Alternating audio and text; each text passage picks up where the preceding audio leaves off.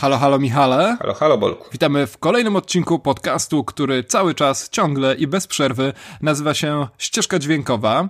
Dzisiaj opowiadamy o filmach, które widzieliśmy na American Film Festival na edycji 10 jubileuszowej i od razu tutaj zaznaczmy, bo nie jestem w sumie pewien, czy później w treści odcinka y, wybrzmiawa to wystarczająco.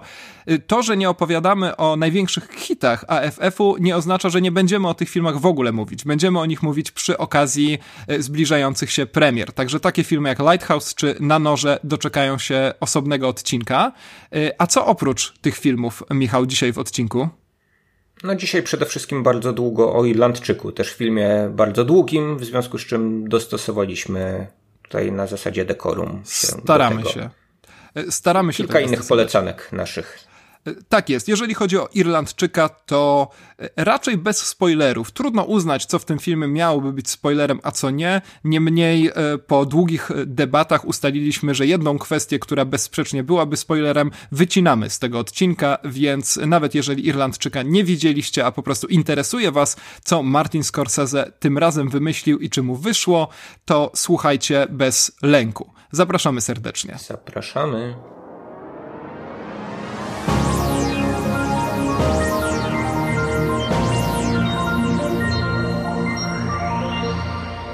Drodzy słuchacze, zaczynamy od ogłoszenia i zaproszenia zarazem. Kto by pomyślał, że te dwie rzeczy można połączyć tak zręcznie w jedno.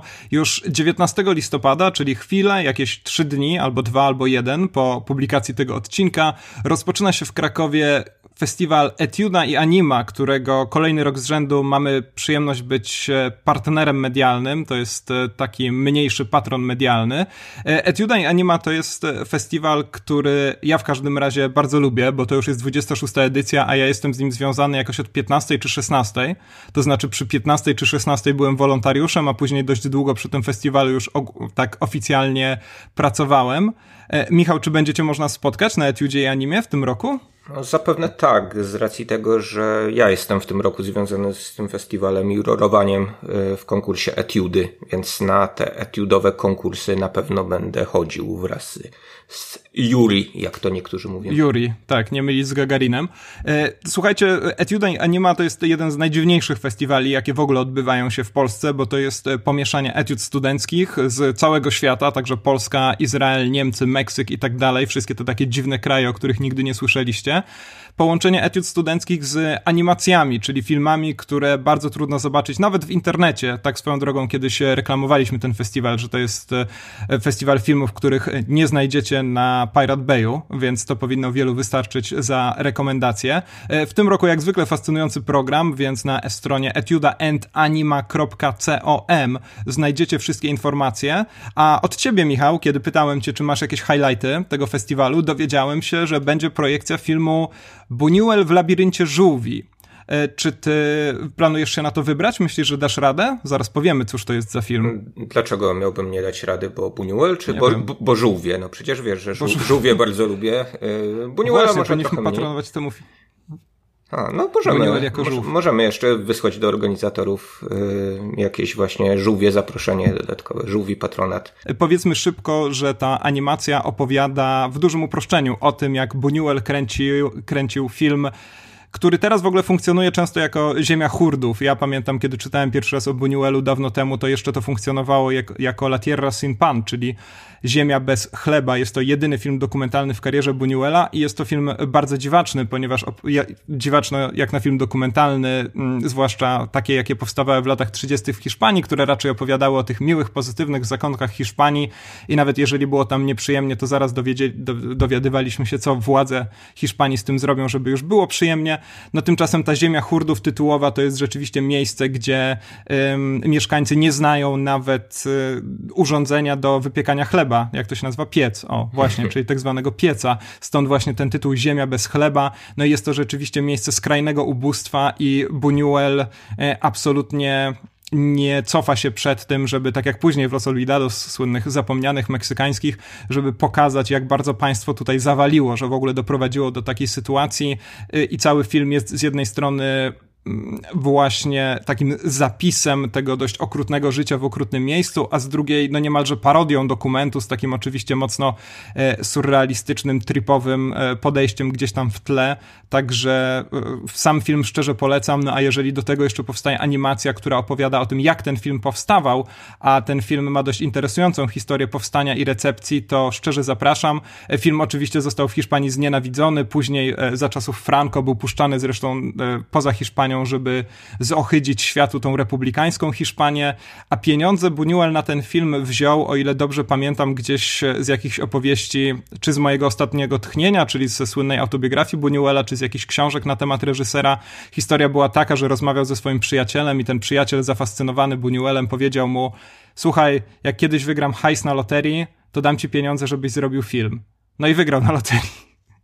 I Buñuel dostał pieniądze i dzięki temu mógł zrobić ziemię bez chleba. No to, Także serdecznie zapraszam na tę animację. To fajna historia, bo Buñuel wówczas no, już był takim wyklętym artystą, prawda? Po Złotym Wieku, skandalicznym. W zasadzie po y, hurdach y, musiał emigrować. Znaczy nie wiem, czy musiał, ale żeby, żeby chyba jakoś, ale wyemigrował. jakoś właśnie tworzyć tak. w miarę wolnym, no to za ocean E, popłynął. No więc e, z takiego, z takiego historyczno-filmowego punktu widzenia to też może być e, bardzo ciekawe. Taką informację tylko jeszcze sprzedam, że ten film jest w kolorze, w przeciwieństwie do komiksu, który, A, który, który, to, który posiadasz. widziałem screeny. Tak, jest czarno, komiks jest czarno-biały. Więc mhm. no, miłośnicy komiksu też będą mogli takie rzeczy jakoś porównać, nie tylko wierność oryginałowi pod względem fabularnym, ale czy na przykład właśnie do, dołożenie kolorów tutaj e, polepszyło sprawę, czy też wręcz odwrotnie. Tak, no to jest stała dyskusja też w środowisku filmowym, czy kolor zgubił film te 80 lat temu, czy e, jednak nie. E, także serdecznie zapraszamy też na cały festiwal. Jeżeli jesteście w Krakowie, to koniecznie idźcie. Jeżeli nie jesteście w Krakowie, to najpierw przyjedźcie do Krakowa, a później koniecznie, idź, koniecznie idź, idźcie I tyle. To co, e, Michał, to przejdziemy sobie z kolei do tego festiwalu, na którym już byliśmy, może, ponieważ, e, tak jak wiecie z ostatniego odcinka, wybieraliśmy się na American Film Festival we Wrocławiu, jubileuszową dziesiątą edycję i udało nam się wybrać, udało nam się z tego festiwalu wrócić i chcieliśmy wam, tak, no to jest złożona sprawa, ponieważ chcielibyśmy wam polecić kilka filmów, których musicie szukać trochę na własną rękę, bo nie mają one jeszcze polskiej dystrybucji, pewnie nie będą miały nigdy i warto po prostu za nimi się porozglądać po innych imprezach albo gdziekolwiek indziej, e, a także porozmawiać o filmach, które, aczkolwiek to tak kró krócej czy dłużej, które niedługo na przestrzeni kilku najbliższych miesięcy wejdą na ekrany, bo tak naprawdę wszystkie, z wyjątkiem może najnowszych Gwiezdnych Wojen, najważniejsze tytuły końca roku i początku kolejnego, mieliśmy tam na American Film Festival, prawda? Może nie wszystkie, ale dużą część. No na pewno, na pewno sporą, chociaż y, no, koniec roku to jest róg obfitości, jeśli chodzi o. Y, to o też filmy. prawda, bo Oscary się zbliżają. Dokładnie, więc będzie co oglądać w długie zimowe wieczory. Tak, na szczęście ciągle będzie można chodzić do kina, więc tak, może ja sobie, y, zresztą obaj, ustaliliśmy sobie taki plan, że o takich filmach jak, o tych dwóch filmach jak Na Noże oraz film, który nosi polski tytuł, czekaj, Licht, Licht, Lichthause? Nie znam, nie to, znam takiego słowa. Holenderski film, tak? tak? Chyba tak. No tak z twojego akcentu wynikało, że że Często wracamy do tego e, holenderskiego e, kina, może kiedyś porwanie holenderskie będzie trzeba omówić. Tak, film oczywiście Lighthouse, który e, dzięki dystrybutorowi UIP, któremu poświęciliśmy kilka słów w poprzednim odcinku, jednak trafi pod koniec listopada na polskie ekrany, no ale pozbawiony jest polskiego tytułu, więc szukajcie Lighthouse. No i Na Noże i, na, i Lighthouse, dwa dla mnie chyba najważniejsze filmy tego festiwalu, będą miały premierę pod sam koniec listopada, w ostatni piątek tego miesiąca i wtedy sobie o nich porozmawiamy e, bardzo długo. E, może teraz e, krótko tylko zachęcimy, żeby ludzie wiedzieli, czy, czy, czy już wiedzieli, czy wybierać się na jakieś przedpremiery i tak dalej. Michał, na noże najpierw. No krótko, no tak, trzy zdania. Na noże wspaniały pastisz kryminałów ala Agata Christie. Wystarczy? Jedno zdanie? Tak. Ja tylko dodam od siebie, że to jest e, arcydzieło skończone. Absolutne. Jest to najlepszy film, jaki widziałem, być może w ogóle w tym roku. Na pewno najlepszy, który widziałem na American Film Festival. Amerykanie kiedyś mieli takie ładne określenie tych filmów e, i w ogóle opowieści w stylu Agaty Christie, to who, e, who did it, who done it, tak? Mm, kto to zrobił, kto zabił. Wydaje mi się, że od tego określenia who done it zresztą pochodzi słynny monolog na temat Donata, jaki Daniel Craig, Craig mhm. wygłasza w tym filmie, ale ogólnie rzecz biorąc musicie koniecznie wybrać się na pierwszy możliwy pokaz, bo na noże to jest arcydzieło. E, no i Lighthouse w trzech słowach. E, mm. Michał. W, trzech, w trzech słowach? W trzech słowach, w trzech słowach. Trzy przymiotniki. Dwóch facetów w fallusie. Tak reklamuje to producent i reżyser. Tak, tak, tak dwóch, dwóch facetów w fallusie, dokładnie tak. E, nowy film e, Roberta Eggersa, czyli oczywiście twórcy słynnej Czarownicy. E, nie podzielamy chyba masowego entuzjazmu wszystkich widzów Czarownicy, że jest to film absolutnie doskonały, ale wydaje mi się, że obaj go lubimy. Ja go na pewno lubię, ty chyba też. Tak, lubię. A, lubię lubisz. Okej, okay, uff. E, zawsze się, nie, nie wiem, czemu mam taki zwyczaj mówienia za ciebie, e, wyrażania twoich opinii za ciebie i później no, się łapię, tak, że jednak... Tak. Przyzwyczaiłem się, no cóż. To jest, to jest prostsze, tak? Chcę nadać jakieś dynamiki temu podcastowi. E, no, Lighthouse jest bardzo interesującym filmem. Ja na pewno zobaczę go jeszcze drugi raz przed e, naszą, e, naszym nagrywaniem omówienia.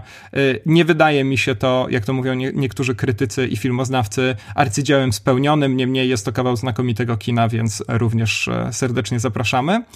No i później e, do kin w grudniu, w styczniu wchodzą takie filmy jak e, Jojo Rabbit, e, mm, Wai, ta, Jezus, jak on się nazywa? Mhm. Taika Waikiki, mhm. tak? Taiki Waikikiego. Waititi. Wai...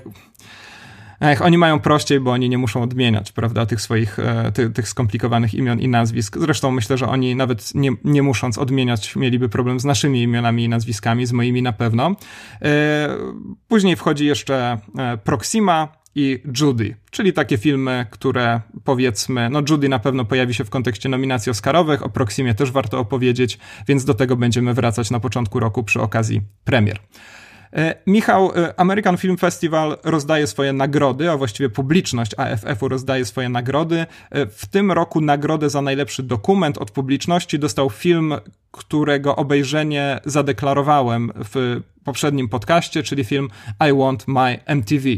E, przyznam, że gdybym mógł cofnąć czas i na przykład jakimś cudem, nie wiem jakby to się mogło stać, wyedytować odcinek tamten i wrzucić go jeszcze raz do internetu, żeby nikt nie zauważył, e, to bym cofnął swoją rekomendację, bo film mimo nagrody publiczności e, jest dla mnie w każdym razie totalnym rozczarowaniem. Mm, a jak u ciebie? Czy ludzie powinni szukać filmu I Want My MTV, zwycięzcy AFF-u? Mm, no myślę, że Mogą szukać, dlatego że ten film jednak y, bazuje na pewnej nostalgii, którą y, wiele osób odczuwa właśnie za tą stacją i to, tym, co ona nadawała. I wydaje mi się, że na tym poziomie y, sprzedawania nostalgii w jakiś sposób działa. Natomiast no, pewnie nie dostarcza wszystkiego, czego my byśmy oczekiwali od tego typu filmu, to znaczy nie dostarcza Mm, jakiejś y, analizy, co z tą stacją się stało tak naprawdę.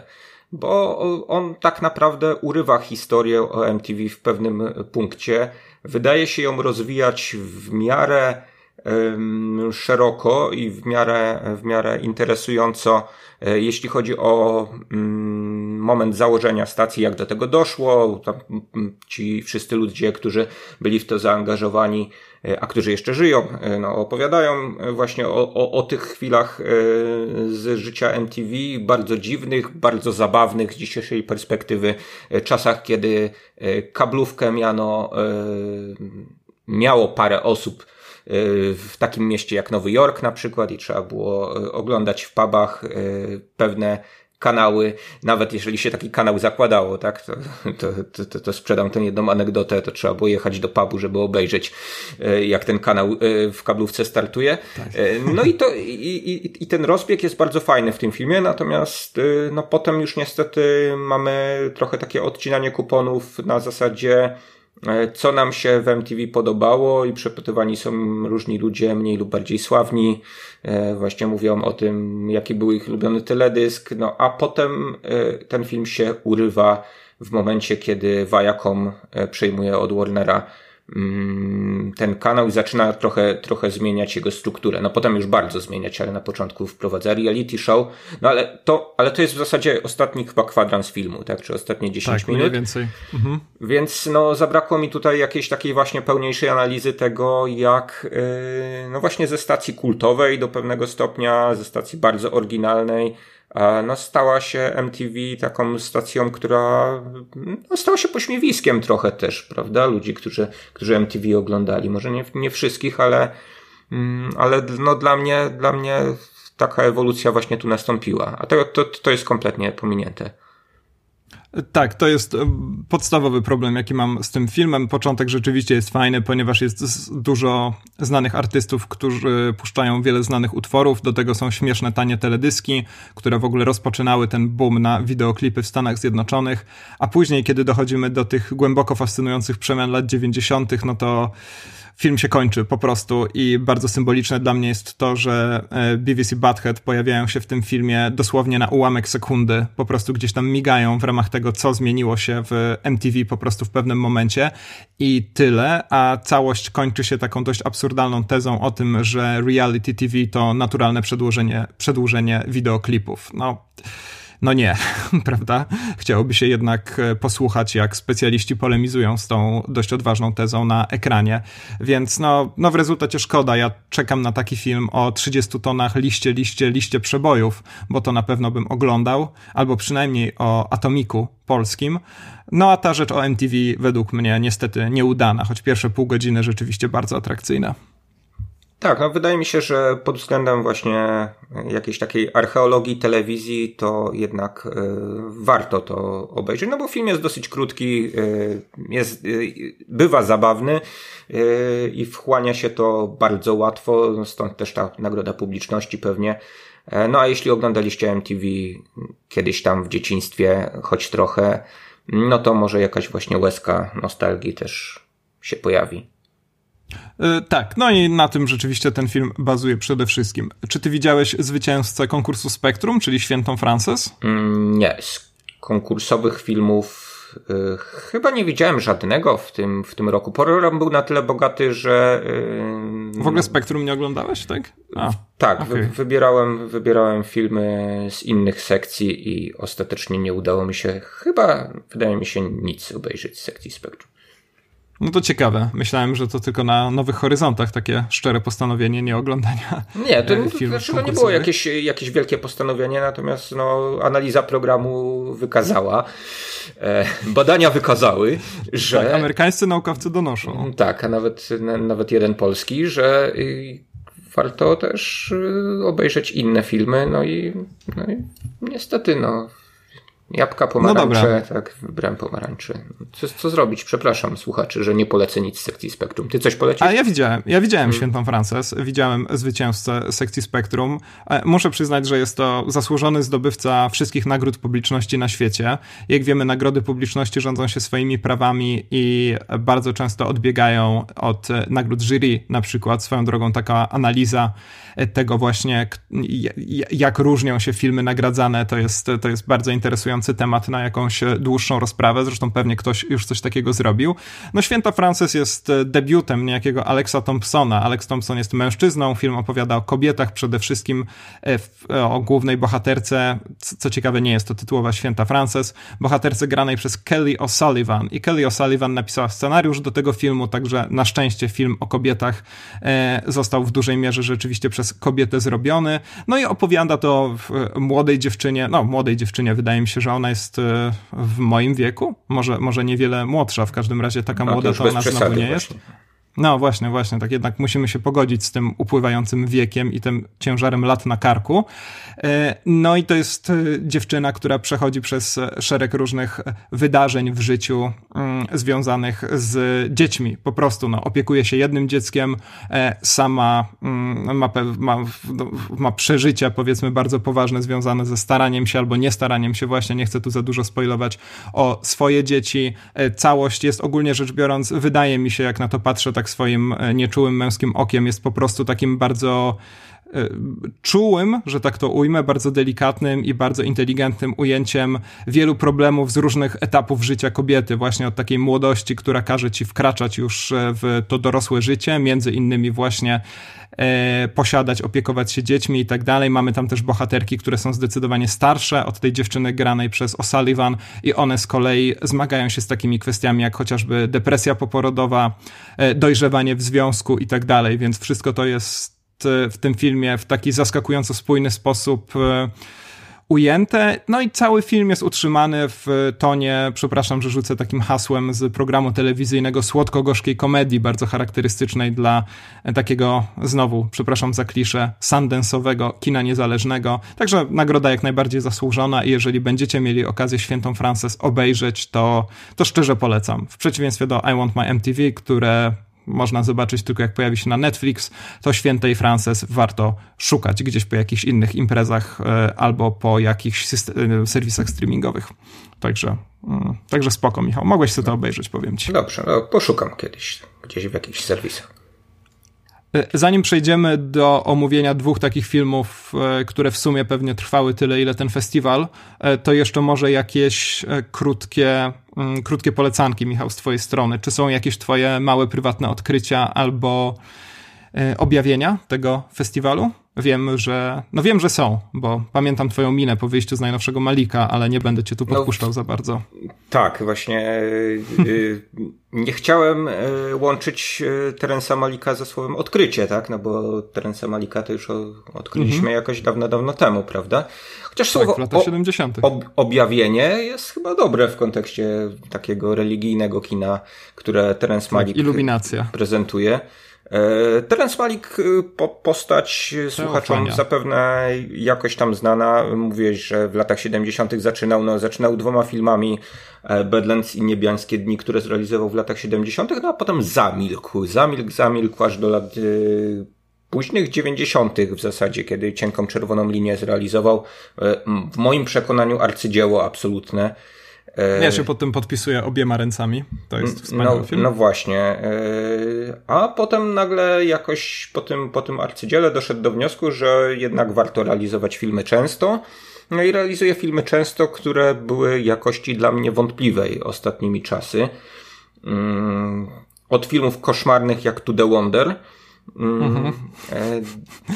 Do, do takich, które, które, które, które dla mnie mają pewne swoje, swoje zalety i e, no mimo, mimo, mimo pewnych e, jawnych, jawnych wad no, miałem bardzo pozytywny odbiór. Na, na, na przykład na takim film, filmie Rycerz Pucharów, Night of Cups. Tutaj U nas nie, się nie pojawił. Nie, nie, niewiele osób y, ten film lubi. No ale też y, z nowym filmem Malika jest tak, że on bardzo polaryzuje widownię, no bo trwa y, trzy godziny. Przypomnisz nam tytuł? Ukryte życie to się nazywa, Hidden mhm. Life w oryginale. Znowu jest to właśnie sążnisty metraż, no i opowiadany w taki typowy już Malikows, malikowskim stylu, e, do którego, no, jeżeli widzieliśmy ze dwa, trzy filmy Malika, e, to chyba przywykliśmy. Te, te filmy z lat 70. trochę się różniły w narracji w języku filmowym, natomiast no, Cienka Czerwona Linia też trochę może, natomiast od drzewa życia to są bardzo podobne wizualnie filmy i też bardzo, bardzo podobnych środków filmowych E, używają. Ukryte życie opowiada historię rzeczywistej postaci. A ten pan nazywał się bardzo ładnie Franz Jägerstatter. E, był e, austriackim rolnikiem, który odmówił służby w Wehrmachcie w momencie, gdy dostał powołanie do tej armii w trakcie II wojny światowej. Mm, no i to jest, to jest postać, jak powiedziałem, rzeczywista, postać e, z tego, co się orientuje, e, która została beatyfikowana przez papieża nawet. Wow, i, mocna. I na te... Żywoty świętych. No trochę tak, trochę właśnie tutaj ryzyko było jakiejś takiej, takiej zupełnej hagiografii, znając e, Terensa Malika jako reżysera, który E, no mocno eksponuje ten e, swój światopogląd, który jest e, światopoglądem mocno wierzącej osoby, wobec czego no, część, część odbiorców jego filmy no, uważa za jakieś takie e, nudne, przyciężkawe, przepełnione patosem kazania. I, e, no i z tego, co rozmawiałem po seansie, to jakby ukryte życie też, też takie emocje u niektórych odbiorców budzi, natomiast e, u mnie, e, mimo że no, nie zgadzam się z pewnymi tezami, które ten film stawia, Ukryte Życie no, wzbudziło chyba najbardziej pozytywny odbiór od czasu Cienkiej Czerwonej Linii. To znaczy nie uważam, że to jest y, właśnie takie arcydzieło jak Cienka Czerwona Linia, natomiast uważam, że to jest, to, to jest Terence Malik e, w pełni formy, który tutaj e, jakby jasno klaruje swoje zdanie, e, operuje niby tymi samymi środkami wyrazu, ale jednak subtelniej niż w poprzednich jego filmach to znaczy wciąż jest taki ulubiony przez Terensa Malika zabieg jak voiceover, e, w którym, którym mhm. on podaje, podaje większość informacji, mm, ale tutaj on jest e, głównie ograniczony do postaci listów, czyli do postaci epistolarnej właśnie komunikacji pomiędzy dwojgiem małżonków, no bo jest tak, że Oczywiście po tej odmowie e, Franz e, zostaje uwięziony, no, rozdzielony z rodziną, no więc on pisze listy, jego żona odpisuje i, i jeśli chodzi o voiceover, no to mamy, mamy tego typu narrację, co trochę właśnie redukuje ten efekt takiego, no właśnie kazania, tak, czy wykładu teologicznego jednej osoby, który to Malik czasami, czasami prezentował w swoich poprzednich filmów, tak. filmach. To jest jedna sprawa. E, druga sprawa, która jakoś działa za tym filmem, to jest no, osadzenie go w rzeczywistości e, innej niż nasza, to znaczy znowu, jak w przypadku cienkiej czerwonej linii, e, Malik cofa się w przeszłość i no, pokazuje świat, który wygląda trochę inaczej, więc to też postrzegam jako, jako pewną y, zaletę, także w kontekście tego, że gdy on opowiadał o współczesności, no to najczęściej to były takie narzekania na upadek y, współczesnej cywilizacji. I to było takie dosyć y, nieznośne w zestawieniu z wystylizowaną warstwą wizualną, którą Malik preferuje. No, Pamiętam chociażby takie obrazy, być może też y, jak z drzewa życia, gdzie Sean Penn przechadzał się po y, pustych pomieszczeniach biurowych y, w jakimś właśnie korpo biurowcu z, ze szkła i stali, no i takim smutnym wzrokiem omiatał podłogi. Tak, i, zawsze i mnie ciekawiło. Właśnie Zawsze mnie ciekawiło właśnie w Drzewie Życia chyba przede wszystkim, jak wyglądała rozmowa Malika z aktorami. Właśnie, jak, jak usiłował ich natchnąć do tego, żeby omiatać wzrokiem właśnie smutne szyby i tak dalej. No właśnie Malik znany jest z tego, że, że, że jego, jego stosunek do, do aktorów jest... Yy, szukam słowa. Nie, nie powiem lega, lekceważący czy pogardliwy, tak. ale jednak no, Malik słynie z tego, że yy, nawet największe gwiazdy jest w stanie wyciąć ze swojego filmu. Przez to, że tworzy takie właśnie impresje filmowe, a y, dialogi są często dość zredukowane, to znaczy dialogi podawane przez aktorów, no, dogrywa się do tego jakiś voiceover, prawda, zwykle głównego bohatera. E, w związku z czym no, można, można pewne, pewnymi postaciami mieszać. Zakładam, że w montażowni można też przestawiać pewne sceny i, i w tym ta, takim sandboxie malikowym, w tym jego świecie, tam mm, te postacie funkcjonują na, na zasadzie tych growych NPC-ów, tak, którzy, którzy mogą się pojawić bądź nie, prawda? Jeżeli pójdziemy z kamerą, tam kogoś spotkamy, tak. albo, albo, albo też nie spotkamy. No, ale wracając... Może Terence Malik i Hideo Kojima powinni kiedyś zrobić razem grę wideo. No, zobaczymy. Wracając do. No, no nie wiem, nie, życia. tylko nie, nie wiem, gdy, czy gdyby zrobili taką grę wideo, no to ten voiceover by tam jakoś działał, prawda? Y, to kwestia trochę trochę innego podawania narracji. Może, może takie napisy by się pojawiały cały czas. E, tak, no, aczkolwiek gry z voiceoverem ostatnio e, minimum dwie się pojawiły, obie co prawda tego samego studia, ale całkiem interesujące, więc może, może coś by z tego wyszło. Ba, jest nawet jeszcze trochę więcej, jak myślę, no ale to nie o tym podcast, więc wróćmy, wróćmy do ukrytego Tak, wracając na koniec do Malika już y, nie mm, opowiadając może całego filmu, ale też no, ten film nie ma y, jakiejś, jakiejś konkretnej takiej y, rozbudowanej struktury narracyjnej, więc tutaj w tych trzech godzinach nie spodziewajcie się jakichś oszałamiających twistów, yy, punktów zwrotnych i tak dalej. Yy, no to jest, to jest film po prostu o człowieku głębokich przekonań, który nie chciał złożyć przysięgi wierności Adolfowi Hitlerowi.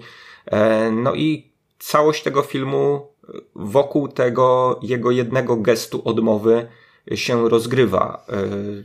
Tutaj jakby pojawiają się tylko jakieś nowe postacie, które no, starałem się go y, przekonać, od, odwieść od tego, y, od tego postanowienia. No a na szali no, jest y, oczywiście wszystko zawieszone, to znaczy y, no, życie bohatera i, i tak naprawdę losy jego rodziny, więc stawka jest bardzo wysoka w imię no, jego właśnie e, tego konkretnego, bardzo mocnego przekonania, podpartego głęboką e, wiarą katolicką, więc, e, więc to jest taki, taki film, e, który jest no, filmem, wydaje mi się, no, mocno, mocno teologicznym, mocno stawiającym jakieś takie pytania etyczne, no i dosyć, dosyć radykalnym też właśnie w odpowiedzi na to pytanie, chociaż wydaje mi się, że przez to, że mamy jakąś symetrię w tym filmie, no powiedzmy symetrię, bo no jednak, jednak, jednak mamy tam, tam pewne przesunięcie, za którym się Malik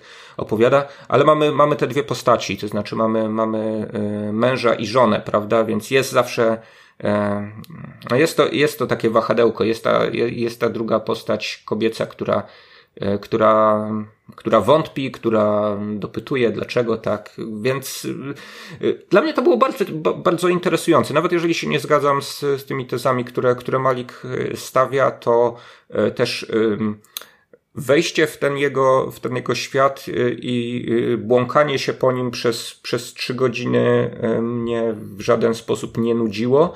Natomiast oczywiście można mieć też zastrzeżenia do tego, że Malik wszystko znowu stylizuje tak jak w swoich poprzednich filmach na zwłaszcza te obrazy wiejskie, to są y, zielone łąki, jakieś tam górskiej wioski. Tak, ale to już nie Emanuel Lubeski jest y, operatorem. Ta, tak, ale nie zauważyłbyś tego, gdyby... No właśnie, to jest ciekawe, czy Emanuel Lubeski tak uczy swoich reżyserów, a później ich zostawia samych sobie, tak jak Quarona z Romą, tak teraz... To, to jest dla mnie przedziwna sytuacja, bo y, Emanuel Lubecki właśnie przy drzewie życia y, wydaje się, że wypracował jakiś taki indywidualny podpis, indywidualny styl.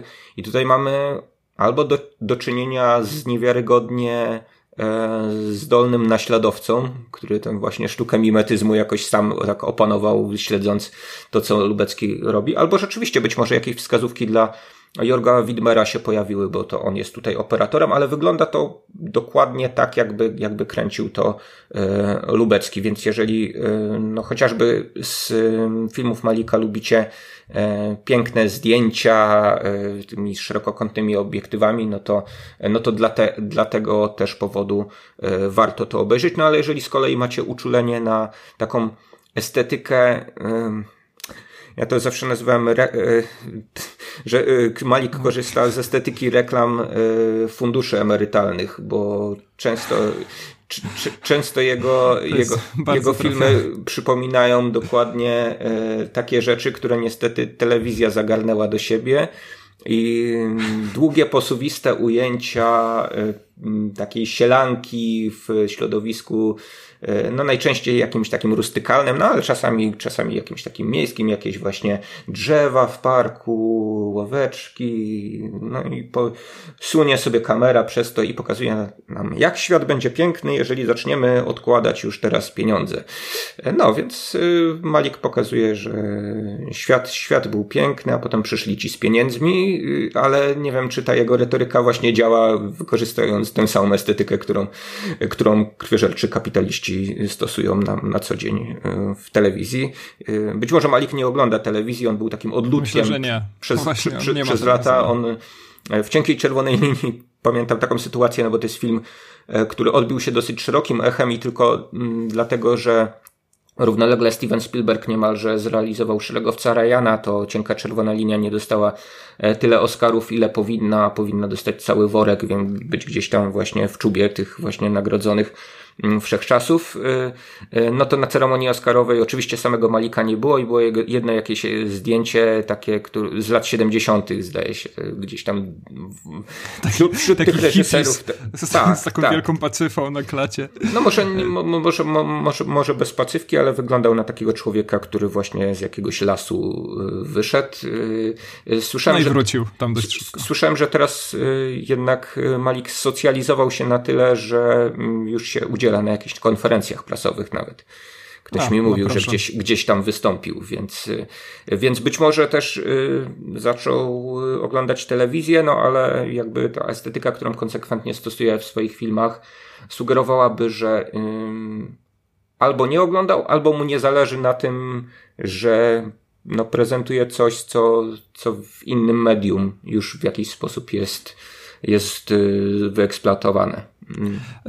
Tak, no ja Malika nie oglądam programowo od czasów e, Drzewa Życia, dlatego cieszę się, że ten film według ciebie w każdym razie rzeczywiście zobaczyć warto. Nie wiem, on nie ma w tym momencie zaplanowanej żadnej dystrybucji, o ile mi wiadomo, ale jeżeli coś takiego się pojawi, to chętnie zobaczę, choć no niestety pewnie z wyjątkiem Wrocławia nie pojawi się to w żadnej wygodnej multiplexowej sali, e, bo tam jednak takich filmów doświadczać najwygodniej, najmilej i najlepiej. No ale, ale, ale będę, będę mm, tego, ten film gonił. Ja, ja myślę, widziałem... że w kinie, jak Mhm. na największym ekranie, to taka uwaga. Tak, tak, to o, tak. oczywiście.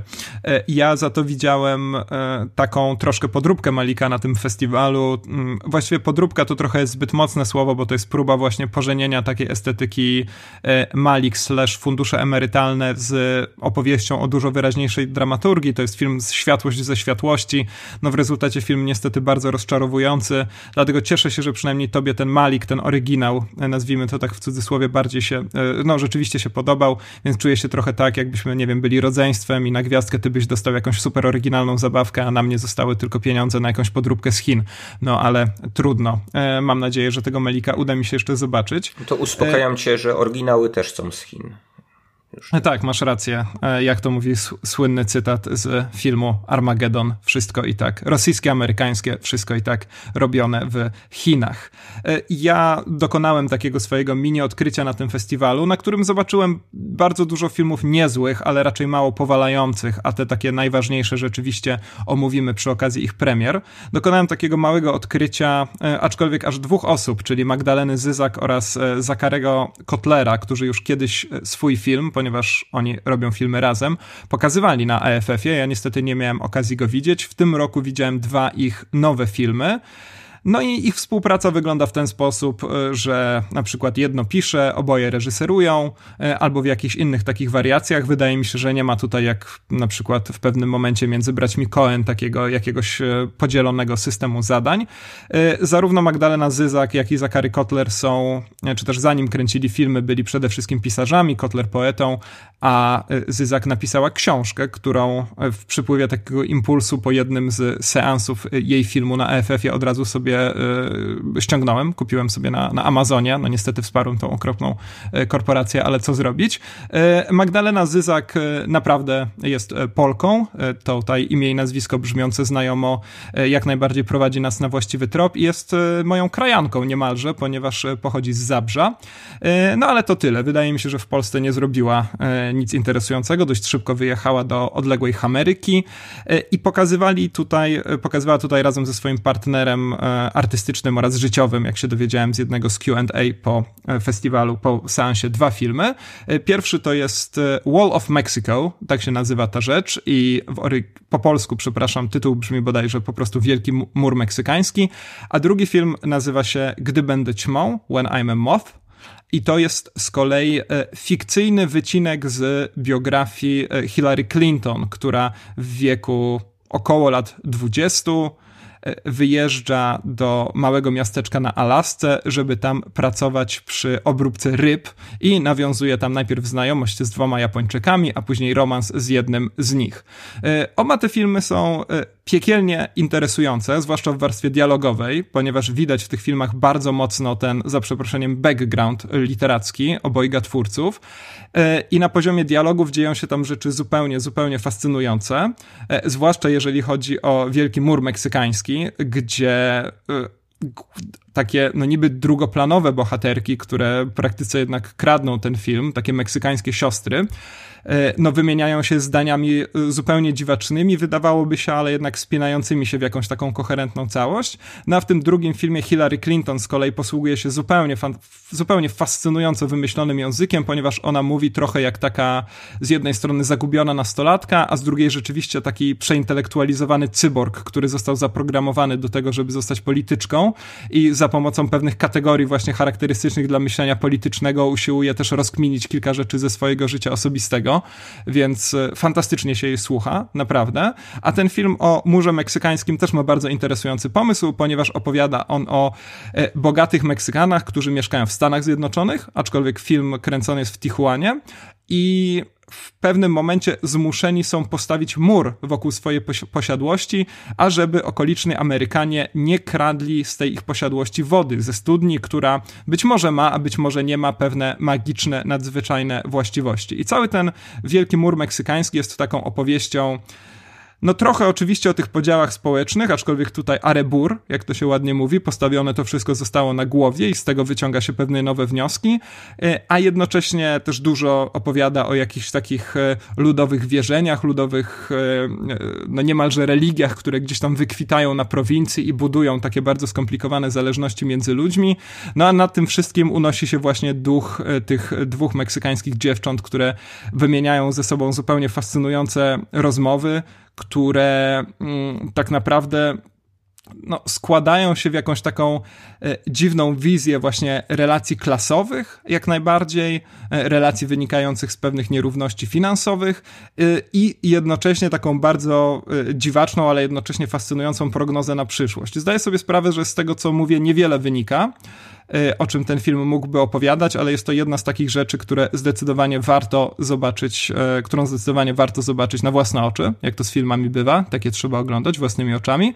Y, a ta opowieść o Hillary Clinton, no to głównie ze względu na konstrukcję głównej bohaterki jest głęboko interesująca. To jest zresztą bardzo ciekawe, że mamy do czynienia ze znaną polityczką o znanej biografii, no, którą opisała zresztą w swojej autobiografii, ale jednak mamy tu do czynienia z zupełną fantazją na temat tej mm, autobiografii więc jest to bardzo interesujący komentarz też w ogóle na temat tego, jak politycy, polityczki tworzą swoje własne, e, tworzą tak naprawdę w, takich medialnych przestrzeniach swoje, swoje własne autobiografie i starają jest, się nam to sprzedać. Nie jest to fantazja taka jak młody Einstein na przykład, nie wiem czy pamiętasz nie, tak, nie, taki nie, film tak. australijski. tak, Polecam pamię... swoją drogą, właśnie się przypomniał. Fi, fi, film, w którym młody Einstein e, wynajduje bąbelki w piwie na przykład tak, i tak, gra tak, na no. gitarze. Tutaj tutaj, e, tutaj Hillary Clinton e, bardzo, wydaje mi się, przypomina tę prawdziwą Hillary Clinton. E, oba filmy mają też niestety problemy. W QA po murze meksykańskim pani, pani, pani Magdalena Zyzak wspomniała, że no, traktują pewne kwestie polityczne, społeczne, czy też traktowanie tych pewnych kwestii politycznych, społecznych przez sztukę e, powinno być e, porównywane do takiego patrzenia na zaćmienie słońca przez jakieś okulary, czy też jak przez dyskietkę. Tak się kiedyś patrzyło na zaćmienie słońca, nie wiem, czy pamiętasz, Michał? E, Nigdy nie patrzyłem na zaćmienie słońca, więc znaczy, może dlatego, nie, nie, nie jestem w stanie sobie przypomnieć, może żal mi było dyskietek, a może dlatego, że miałem kasety magnetofonowe do Commodore 64. Tak, właśnie. Nie, nie dyskietek. I po prostu brak, brak dyskietek to był największy problem w twoim domu, ale w każdym razie chodziło oczywiście o to, że trzeba operować metaforą, nie można e, zbyt walić między oczy pewnymi oczywistościami. No niestety w obu tych filmach e, pewne oczywistości walą między oczy w sposób taki bardzo bezczelny i wydaje mi się, że czasem niestety e, autorzy filmów patrzą bezpośrednio na słońce, co jak wiadomo nigdy nie może skończyć się dobrze.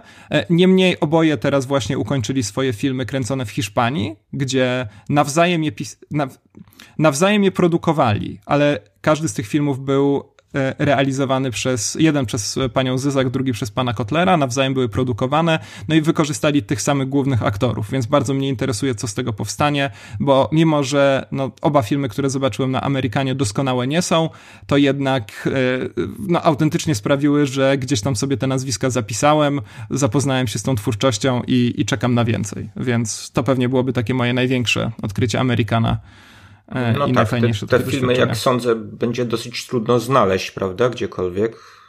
Mm, mhm. Czy słyszałeś coś o dystrybucji? Tak. Jakieś pytania nie, padły nie, na tych nie. spotkaniach? Ja pytałem, czy e, film o Meksyku był pokazywany w Meksyku i dopiero będzie miał premierę, oczywiście na słynnym festiwalu w Guadalajarze, ale jestem absolutnie przekonany, że nikt ich do Polski, do takiej regularnej dystrybucji kinowej nie sprowadzi. Być może warto patrzeć na te wszystkie takie e, mniejsze serwisy streamingowe, gdzie nagle okazuje się, że mm, pewne filmy, jak Mandy na przykład, już są i można je całkowicie na legalu obejrzeć za, za 10 zł, więc no zobaczymy. No dobrze, no to w takim razie mm, udanych poszukiwań e, słuchaczom życzę. E, jeszcze jakieś filmy e, dorzucimy do krótszych polecanek, bo też no, będziemy mieli tutaj dłuższe omówienie tak, no właśnie, dwóch filmów.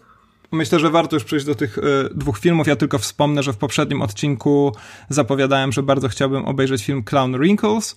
Nie udało mi się tego zrobić na Amerykanie, ale odpuściłem go celowo, ponieważ okazało się, że na warszawskiej edycji Splat Splat, tam jest wykrzyknik, e, film festiwal, będzie można ten dokument zobaczyć, więc e, ciągle wszystkich zachęcam. Ciągle nie wiem, czy to jest dobry film, ale ja pewnie się na niego wybiorę, więc e, na no festiwal no też zapraszam. Dobrze, no to ja, ja dodam tylko, że niebawem właśnie porozmawiamy o tych innych dobrych filmach, bo to jest nie tak, że nasz dobre filmy, które obejrzeliśmy wyczerpują, wyczerpały się właśnie w, tak, tych, w tych trzech tytułach. W tych, w tych, w tych trzech tytułach.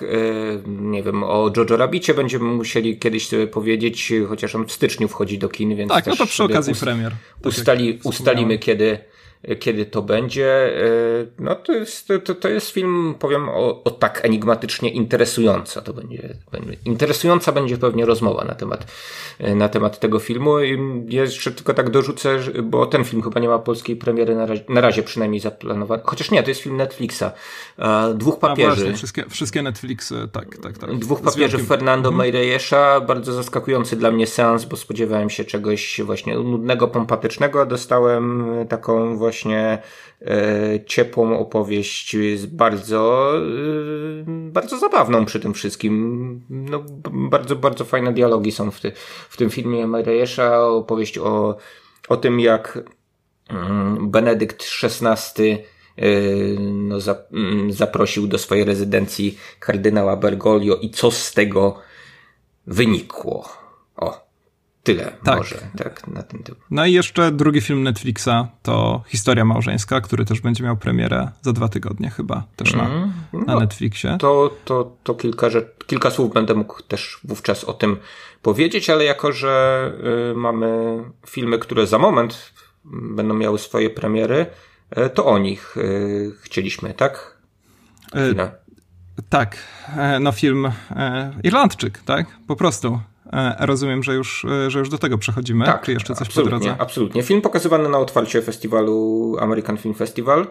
E, film, który no, był zapowiadany jako wielkie dzieło Martina Scorsese, był bardzo oczekiwany, fantastyczna obsada,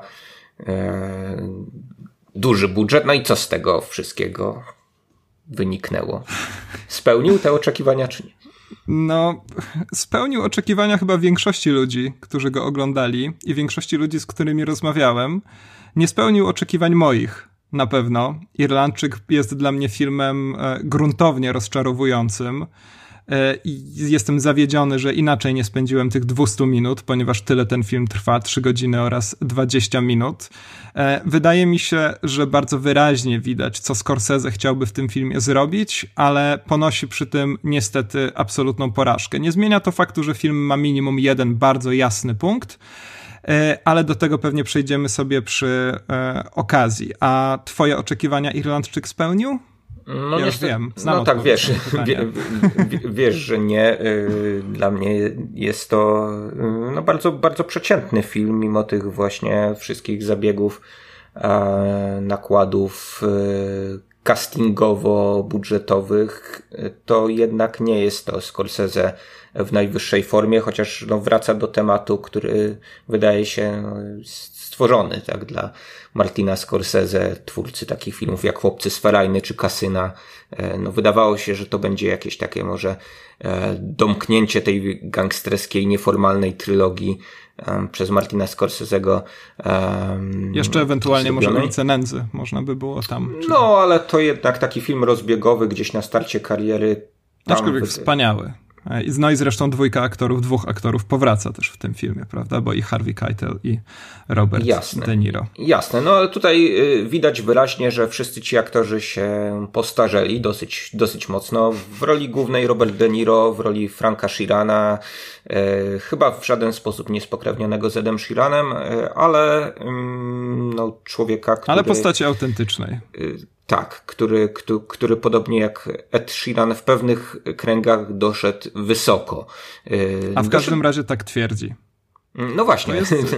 tak, bo tu jakiś pierwszy zarzut narracyjny. Y, to jest taka opowieść niby o dro drodze na szczyt, ale no opowieść y, chyba dosyć właśnie y, dziurawa, niekonsekwentna i też mało interesująca w porównaniu chociażby z opowieścią o, o drodze na szczyt i upadku w Goodfellas, tak, czy E, tak, czy, też, tak. Czy, czy, też nawet do tego, co, co, co w kasynie oglądaliśmy. Ten film zresztą pewnie celowo jest nieinteresujący, tak jak mówię, wydaje mi się, że bardzo łatwo rozkodować, rozkodować Scorsese'ego, co nie zmienia faktu, że jeżeli nudzisz się na filmie, to już e, to, ta nieinteresującość poszła w inną stronę. Może kilka słów o tym, skąd e, Irlandczyk w ogóle się wziął, ponieważ ten film ma swój pierwowzór literacki, rzecz zupełnie dziwaczną, naprawdę, rzecz, która nosi tytuł I Heard You Paint Houses czyli słyszałem, że malujesz domy. Jest to określenie oczywiście, które pada na samym początku Irlandczyka i co ciekawe, te słowa, słyszałem, że malujesz domy, są również wyświetlane na ekranie w przeciwieństwie do słowa Irlandczyk, także tak, e, gdyby ktoś wielkimi, nie wiedział... Wielkimi literami dostajemy w trzech planszach bodajże. Tak, bum, e, bum, bum. Niemalże jakby to był jakiś nowofalowy film, czy łamiący reguły opowiadania i, i na początku się spodziewałem, że może tutaj Scorsese jakoś pod prąd nawet postara się pójść pewnym regułom opowiadania, no ale, no ale chyba nie. Nie, tutaj, e, no i wróćmy jeszcze do tego pierwowzoru literackiego. Jest to rzecz bardzo ciekawa, ponieważ napisał to niejaki Charles Brandt. Charles Brandt jest prawnikiem, e, który na początku XXI wieku E, przeprowadził właśnie długie rozmowy z Frankiem Sheeranem, który wtedy, tak jak e, w filmie, był już w domu starców.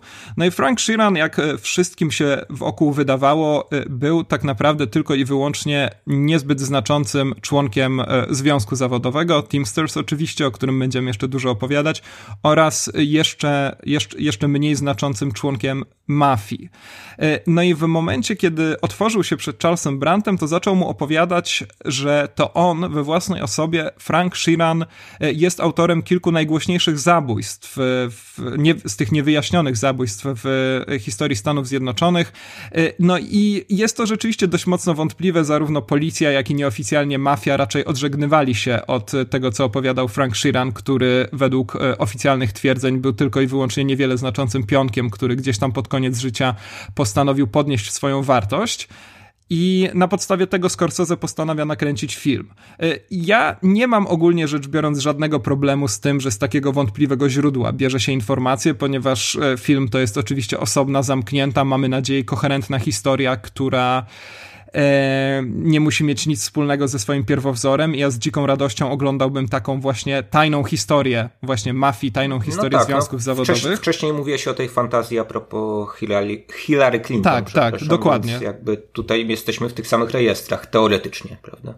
E, tak, jak najbardziej. E, rzeczywiście tylko teoretycznie, ale pewnie no, podstawa byłaby taka sama. Problem polega na tym, że Irlandczyk niestety naprawdę wygląda jak e, zwierzenia człowieka, który na bieżąco te zwierzenia wymyśla. Jest to oczywiście film bardzo mocno subiektywizowany, no już od pierwszej sceny wiemy, że to Frank Sheeran sam, tak jak w książce, opowiada nam tę historię, więc absolutnie nie musimy, go, nie musimy mu wierzyć. Niemniej no, jest to historia opowiedziana, właśnie mam wrażenie, w taki mocno zaimprowizowany sposób, wymyślana niemal na miejscu i przez to też zupełnie niefascynująca. Pogadajmy może chwilkę o tej e, otwierającej scenie Irlandczyka, Michał, zwłaszcza, że no ty mi zwróciłeś uwagę, oczywiście sam powinienem na to wpaść, że jest to bezpośrednie nawiązanie do tego słynnego copa shot tak zwanego, czyli e, e, jednego ujęcia, w którym Martin Scorsese pokazuje klub Copacabana w Facetach Sferajny, do którego właśnie wchodzi Ray Liotta i widzi, jak wspaniale wygląda życie w mafii. No tak, tylko że w przypadku chłopców Sferajny ta długa, sunąca kamera, to znaczy najpierw schodząca po schodach, tak, bo tam przez zaplecze, jeżeli e, pamiętamy e, chłopców z Ferajny, w zasadzie takimi kuchennymi drzwiami, tak, do, do, dostaje się ze swoją e, partnerką, bo, bohater e, chłopców z Ferajny. E, tam ona miała pokazywać, no, i, i, i trochę tak właśnie symbolicznie, jak to często u Scorsese'ego, że to jest jednak właśnie jakieś moralne zejście, tak, że to jest jakaś właśnie piwnica moralna, ale przez którą on trafia do tego wspaniałego świata jednak, mhm. wypełnionego ludźmi, kolorami, dobrymi alkoholami, pięknymi kobietami i tak dalej, i tak dalej, więc no teoretycznie właśnie taka, taka, taka kraina szczęścia. Tutaj Mielibyśmy e, w Irlandczyku niejako odwrotność tamtego ujęcia w sensie takim, że suniemy przez e, zupełnie puste pomieszczenia, przez korytarze E, domu starców i trafiamy do właśnie starego, już trochę takiego właśnie zdemęciałego bohatera, e, którego e, no jakby samotność ma pokazać to ujęcie. Tylko, że no, Scorsese stosuje to samo ujęcie, które mm, właśnie w tym pierwszym filmie znaczyło coś, coś zupełnie innego i tutaj wydaje mi się, że, że nawet jeżeli ja sobie tak trochę po seansie dorobiłem, że to jest takie, takie granie z chłopcami z ferajny na zasadzie e, mocnego e, przeciwieństwa, mocnej opozycji do tamtego ujęcia, to, e, to jednak pierwsze wrażenie jest takie, że to jest, to jest takie efekciarstwo jednak, że to jest jednak powtórka z rozrywki, że Scorsese sprzedaje nam siebie raz jeszcze, o patrzcie, ja zrobiłem tamten film i te, tutaj znowu robię o gangsterach i znowu z tymi samymi ludźmi i, i będę cytował samego siebie, no bo robiłem takie wielkie filmy kiedyś, więc czułem jakieś też takie trochę puszenie się w, ty, w, tych, w tych gestach takich bardzo mhm. samoświadomych.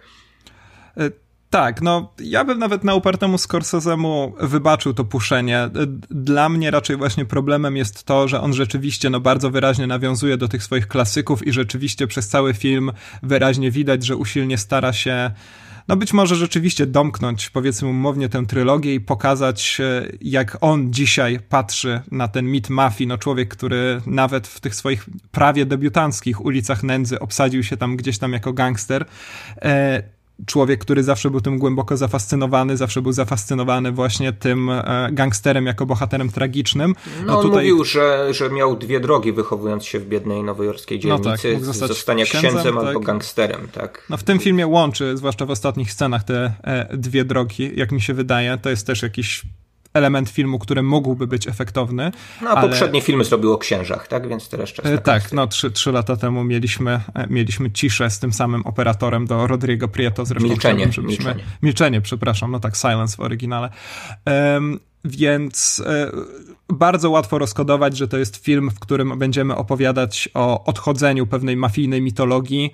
To jest film, w którym mamy tak naprawdę wiele tych samych elementów, które były w poprzednich filmach Scorsese'ego, to znaczy wbrew niektórych opiniach, opiniom ten film jest niezwykle krwawy, ale no sceny zabójstw nie są nakręcone nawet w połowie tak efektownie jak chociażby Kasyno, które przecież jest jednym, jedną wielką po prostu orgią krwi i, i zabójstw e, nakręconych w bardzo efektowny sposób.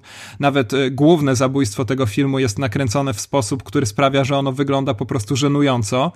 E, więc ja bardzo dobrze to rozumiem. Problem polega na tym, że głów, nasz, nasz główny bohater Frank Sheeran jest postacią, która nie mówi sobą absolutnie nic to znaczy, to jest facet, który przypomina robota i to, ale o tym później pogadamy, dosłownie przypomina robota, a na pewno jakiś komputerowy twór, e, który nagle przez ostatnie 20 minut filmu jednak zaczyna żałować tego, co zrobił.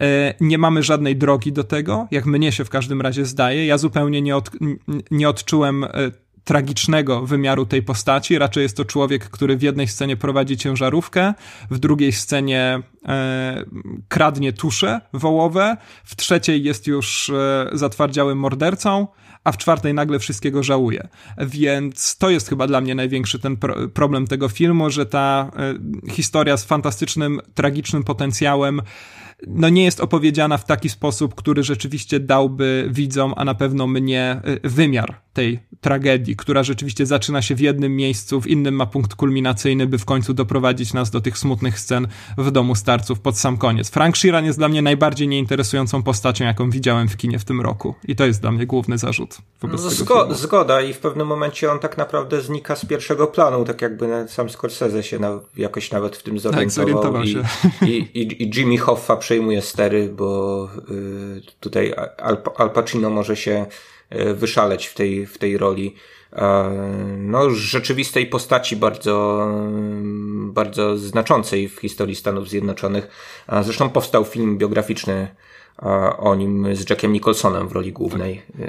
Jak, Daniel więc... DeVito go reżyserował, a Mamet, tak. David Mamet napisał do niego scenariusz. Więc tak, ja ekipa, pamię ekipa pamiętam, że oglądałem dawno temu ten film i niespecjalnie mi się podobał, ale no, czas może na powtórkę w kontekście Irlandczyka. No ale tutaj pełna zgoda właśnie, że, że ten, ten bohater jest bardzo problematyczny i problematyczne jest wplatanie w to wątków typowych dla Scorsese'ego, czyli tego wątku okupie, odkupienia tak, win, tak, jakiegoś tak. właśnie mhm. takiej ekspiacji żalu za, za, za, za popełnione e, zbrodnie, no to jest do, dla mnie do, doszyte po prostu e, do tej całej opowieści. E, ten podstarzały De Niro, przepraszam, Shiran, tak, miałem się nie mhm. posługiwać nazwiskami tak, właśnie. w mówieniu to, o postaciach. To podstarzały Shiran, który, który właśnie e, spowiada się, tak, księdzu. Nie wiem, nie, nie, nie, nie, nie, nie widzę w tym jakiejś takiej właśnie spójnej opowieści, podobnie, podobnie jak ty. To w pewnym momencie zaczyna się film o Jimmym Hoffie, ale to zaczyna się tak, nie wiem, po godzinie, tak? tak. No ja nie, nie, nie miałem, nie miałem czasu, y, znaczy nie, nie tyle czasu, no nie chciałem przeszkadzać widzom, no, bo ja oglądając w domu mam y, zwyczaj, który jest może zwyczajem de denerwującym. Tak, tak, ale to nie, ja z, tego tak po, nie, nie z tego no, powodu, W którym że... momencie co się zaczyna, nie? Ja tak. też tak robię. W nie z tego powodu, że tak czekam, czekam na koniec, ale to jest no, takie trochę zboczenie zawodowe, chyba właśnie człowieka zajmującego się filmem i też trochę y, fascynującego się narracją filmową, że jeżeli widzę, że o tutaj zaczyna się jakaś właśnie sekwencja, znaczy jeżeli to jest wyraźnie zaznaczone, że mamy jakiś zwrot akcji albo jakąś właśnie zmianę miejsca na przykład, to ja wtedy często zerkam i sprawdzam e, w którym, w którym momencie to, to z nami robi ten film i ten twórca filmowy. E, tak, I... tak, tak. Ja też to bardzo lubię robić. W nanorze na przykład zwróciłem uwagę, że pewna istotna rzecz dzieje się po mniej więcej dokładnie 50 minutach filmu. No ale to już, ach, nie wracajmy na razie do tego. A, czyli zerk się... zerkałeś w kinie na zegarek. No, nie, e, tak, tak, tak. Ja, ja też mam taki zwyczaj patrzenia, ale... patrzenia na zegarek, kiedy, kiedy coś no, Mam nadzieję, że taki niepodświetlony, bo tego nie polecamy, żeby świe świecić fos ludziom. Mam fos fosforyzowane wzskazówki, to musi wystarczyć. Okay. Ale y, dobra, przepraszam, bo wyrwałem cię z twojego e, flow na temat tego, jak Nie, w zasadzie, się, w, w, w, zasadzie podpisywałem się pod twoją opinią. No, ch chciałem tylko właśnie... A to tym bardziej nie przerywam zaznaczyć, że w pewnym, e, w pewnym punkcie mm, no właśnie mamy, mamy innego bohatera, a też mamy różne postacie, które mogłyby być e, ciekawe w kontekście tego filmu. Ja też nie ma, to nie jest tak, że ja mam e, problem z tym, że no, pro, protagonista, nawet tytułowy, Mm, gdzieś się usuwa w cień i nagle mm, właśnie, że on jest jakimś takim zwierciadłem dla innych, innych postaci, innych y, osób występujących w filmie, bo gdyby to było konsekwentnie zrobione, to ja bym to przyjął, ale na początku rzeczywiście no mamy,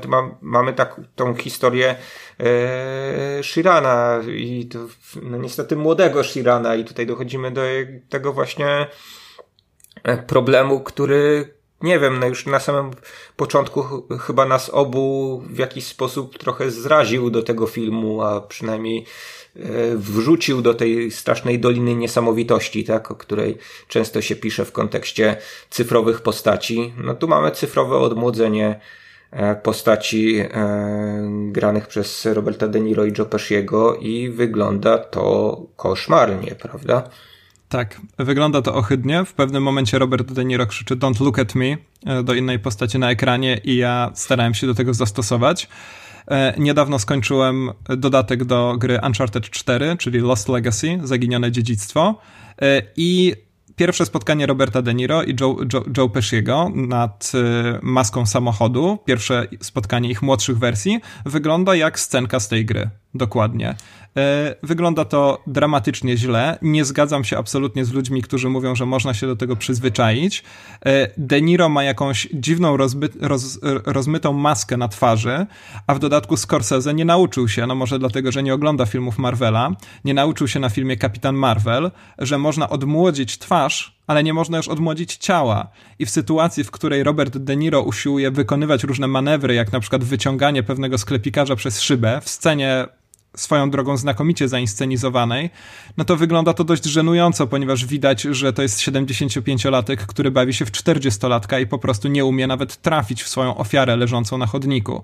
Yy, ogląda się to po prostu smutno. Yy, czytałem różne takie usprawiedliwienia ludzi, którym Irlandczyk po prostu podobał się bardzo, yy, że tak naprawdę gdzieś tam to pomieszanie starego i nowego, to takie dziwne uczucie, które budzi się w nas, kiedy patrzymy na takie dziwaczne hy hybrydy ludzi w w różnym wieku, wieku jakoś tak ładnie wpisuje się w tę historię Irlandczyka, która jest historią o przemijaniu i tak dalej. No ale ja mówię nie. Ja, ja mówię, że mnie było po prostu no niemal niedobrze, jak na to patrzyłem, więc zwłaszcza jeszcze jak Al Pacino z, tą swoją, z tymi swoimi przeszczepionymi włosami się pojawił, to, to wyglądało to naprawdę, naprawdę źle. No tak, fryzura nie Pacino jest zła, ale to nie jest, to jest, nie jest największa wada tego filmu. E, rzeczywiście tak. ta konstrukcja narracyjna, gdzie najpierw mamy De Niro, no mimo jego wieku jeszcze postarzonego, e, a potem mamy właśnie tego, tę, tę, tę, tę dziwną cyfrową kukłę, tak? Właśnie nałożenie, nałożenie cy, cy, cyfrowej maski. E, no bo to nawet, nawet wydaje mi się, nie, nie, nie wiem jak to technicznie jest do końca zrobione, ale nawet, nawet nie wydaje mi się, że, mm, że to jest jakieś poprawianie rzeczywistej twarzy aktora w tym momencie, tylko zrobienie od zera jakiejś takiej właśnie maski cyfrowej, która została nałożona, prawda, na tego aktora. E, tylko często bywa tak, że w przypadku tego odmładzania mm, no właśnie nakłada się na to na ciało y, kogoś, kto jest w takim wieku jak ta odmłodzona postać. I wówczas, no, rzeczywiście nie trzeba ukrywać pewnych rzeczy. Tutaj mamy taką scenę na kręgielni na przykład, nie wiem czy pamiętasz, która jest no, no, creepy, creepy. No tak, to jedna, jedna sprawa, co tam się dzieje z postaciami żeńskimi, o tym sobie może też mm, wspomnimy e, za moment, ale druga sprawa jest taka, że ta y, y, cała scena na kręgielni praktycznie z wyjątkiem dialogów jest zrobiona w bardzo bliskich planach. Z jednego podstawowego powodu no, ci ludzie już chyba nie są w stanie dotoczyć tej kuli do, do kręgli w no, tak dynamiczny sposób, żeby, żeby pokazać to, jak oni tymi, tymi właśnie kulami do kręgli ciskają gdzieś tam. Więc no, drugiego Lebowskiego tutaj, tutaj nie, nie można było zrobić, mając ludzi no, po siedemdziesiątce albo, albo w wieku wręcz lat osiemdziesięciu, tak? No, De Niro jest równolatkiem Scorsese'ego ma 76 lat, Pacino ma 79, Harvey Keitel ma 80. lat 80, prawda? Mhm. Joe Pesci, nie wiem, zaraz sprawdzę dokładnie. No też 76, tyle, tak, no to mhm. no fajnie, że to tacy zdaniem Martiego wciąż dziarsty chłopcy w jednym wieku. Życzę im jak najlepiej. Tak, nie, nie, nie, oczywiście. Niech, nam, niech nam żyją 100 lat plus, tak jak Kurt Douglas i spółka. Natomiast y, y, no, jednak tworząc film trzeba brać poprawki na to, na jak bardzo reżyser nie kochał tych swoich aktorów. Y, powinien zauważyć, nawet swoim starczym okiem, a przynajmniej ktoś na planie powinien upotrzepnąć, że pewne rzeczy nie grają, bo z pewnymi rzeczami fizycznie po prostu aktorzy nie są w stanie sobie poradzić. No i możemy tutaj zrobić to staromodnie, oczywiście, wziąć, wziąć innego aktora, e, jak w Ojcu Chrzestnym 2 chociażby. No właśnie gdzie... chciałem powiedzieć, że Robert De Niro swoją najwybitniejszą kreację stworzył grając młodszą wersję postaci granej przez innego aktora, także czemu czemu nie wierzy w takie rozwiązania jako współproducent tego filmu. No, szkoda. No, otóż, otóż to, jeżeli to odmładzanie okazuje się, że nie za bardzo wyszło, może za mało pieniędzy ta firma dostała, może to była za słaba firma, która odmładza postacie. No różne odmładzane postacie już widzieliśmy na ekranie i czasami to wygląda trochę lepiej, czasami trochę gorzej. To gdzieś od e, przynajmniej um, Jeffa Bridgesa w Tronie zaczęło się coś takiego chyba, tak? Jeśli dobrze pamiętam. E, tak, tak wydaje mi się, na, że to pierwsza na, taka... Na wielką na wielką ska tak, skalę. Tak, tak. E, no i jeszcze ta technika nie jest na tyle doskonała, podobnie jak cyfrowe zwierzątka, które wciąż są jakimś tam problemem, przynajmniej dla mnie. No, niektórych, niektórych w mrocznych materiach ci się nie podobają cyfrowe zwierzątka? No, między, między innymi tam. Ja uważam, e, że są całkiem znośne, dopóki się nie odezwał. Ale Okej, okay, ale, ale, ale właśnie no, wra, wra, wracam do tego, że tutaj zabrakło, zabrakło jakiegoś wyczucia reżyserskiego. No, naprawdę, na wielu, na wielu polach. I w postaci właśnie robienia tych konkretnych, y, konkretnych scen, konkretnych zabiegów, jak to zrobić, jak zrobić konkretną scenę. No i w kontekście całej e, struktury, struktury, struktury całości. Mm, dopchał to ten film y, Scorsese swoimi ulubionymi aktorami i przy całym tym metrażu y, rozdętym niemożebnie y, do 3 godzin 30 minut y, taki Harvey Keitel nie ma co grać w tym filmie. Takie no tak, on zdanie. się tam pojawia w tle, prawda? Tylko e, nie, niemalże. E, no. Ja, tylko, tylko ja tutaj tak, no, absolutnie się zgadzam z tymi wszystkimi zarzutami dotyczącymi cyfrowego odmładzania, a jednocześnie podkreślam, że myślę, że to absolutnie nie jest nasz główny problem z tym filmem, nawet jeżeli to zostałoby wykonane w sposób perfekcyjny to nie uratowałoby tej takiej bardzo dziwacznej konstrukcji, jaką charakteryzuje się Irlandczyk. Jasne, jasne, ale wiesz, otwarcie, otwarcie filmu często jakby też ustawia cię. To no znaczy, tak, ja powiem, no. jeżeli cię powiem, zrzuca z fotela w złym, stop, w złym sensie, to niedobrze nie, to prognozuje. To, to, to, to, znaczy, trudno mi jakoś wyjść z siebie i ocenić to, że czy gdyby nie było tych scen, to ja bym lepiej, lepiej oceniał to, co się dzieje dalej e, w filmie. Natomiast jeżeli na początek dostaję Coś, co jest moim zdaniem taką właśnie niespecjalnie potrzebną kopią, y, jeśli chodzi o to ujęcie otwierające właśnie y, chłopców z Ferajny. Dostaje tam postarzonego y, De Niro, a za chwilę dostaje jakiegoś takiego zupełnie odmłodzonego. To nagle gdzieś przeskakuje pomiędzy jakimiś takimi różnymi rejestrami, w których no patrzę głównie na to, jak, jak charakteryzacja wyglądała w poprzedniej scenie i jak wygląda tutaj, jak wygląda cyfrowa charakteryzacja, jak wygląda e, charakteryzacja jeszcze taka tradycyjna, bo zakładam, że w tej, w tej scenie postarzania, no to raczej nie, nie, nie komputerowo, tak, tylko... Nie, nie, no, tam tylko... E, im, im starsi bohaterowie, tym bardziej tradycyjne techniki były stosowane.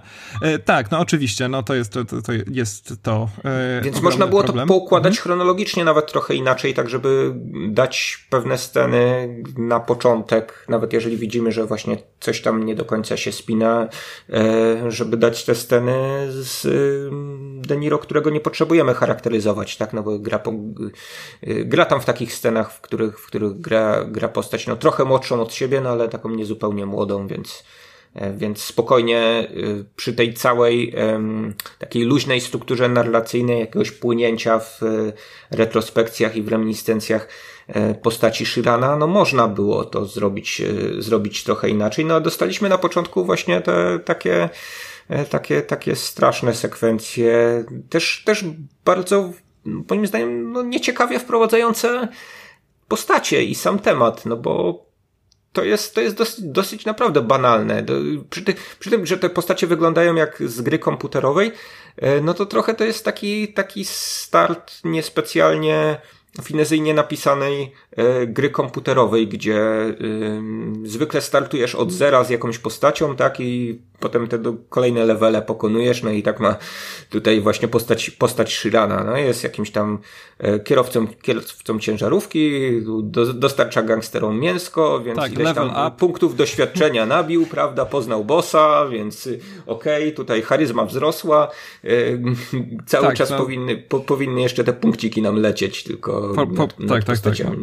Porównania do scen e, z GTA tego filmu, to, to są jak najbardziej przez to właśnie, też przez tematykę trafione porównania.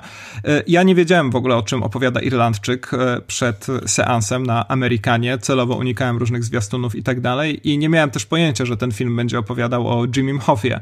Kiedy właśnie po ponad godzinie filmu zorientowałem się, że Jimmy Hoffa się tutaj nagle znikąd pojawia, to najpierw mnie zszokowało to, że rzeczywiście będzie go grał Al Pacino, który rzeczywiście nijak do tej roli nie pasuje, choć z perspektywy tych kilkunastu dni, które minęło od seansu, muszę stwierdzić, że jego rola e, nie była aż tak zła, jak mi się wydawało jeszcze w, kiedy siedziałem w kinie. To znaczy, wydaje mi się, że pewna bufonada, która jest bardzo charakterystyczna dla Ala Pacino, tutaj w jakiś sposób grała. Inna sprawa, czy on rzeczywiście powinien mieć tak bardzo dużą, tak bardzo rozbudowaną rolę w tym filmie.